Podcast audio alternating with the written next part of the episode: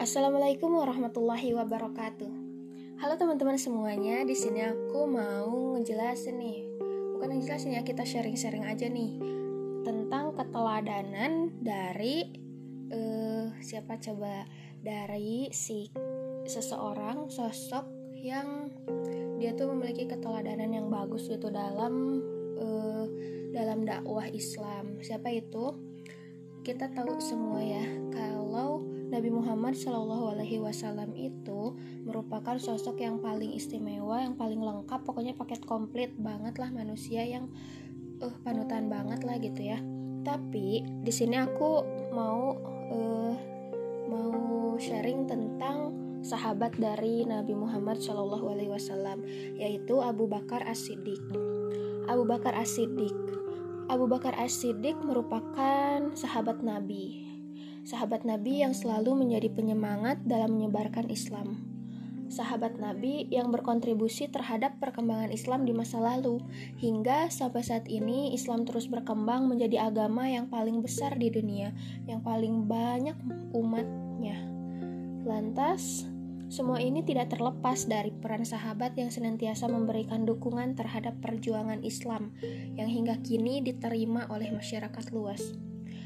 Terus, apa sih keteladanan yang bisa kita ambil dari sosok Abu Bakar As-Siddiq?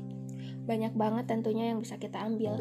Yang pertama nih, dari sekian banyak keteladanan yang bisa kita ambil, nomor satu itu adalah keimanan dan kecintaan kepada Islam yang sangat tinggi Keimanan dan kecintaan Islam yang sangat tinggi itu melahirkan semangat ibadah dan perjuangan luhur dalam mendakwahkan agama Islam.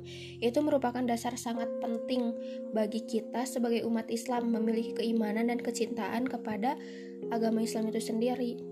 Kemudian yang kedua adalah berani. Abu Bakar berani membantu Rasulullah dalam menyebarkan kebenaran Islam, sehingga dengan keberaniannya tersebut banyak tokoh-tokoh penting seperti Utsman bin Affan masuk Islam.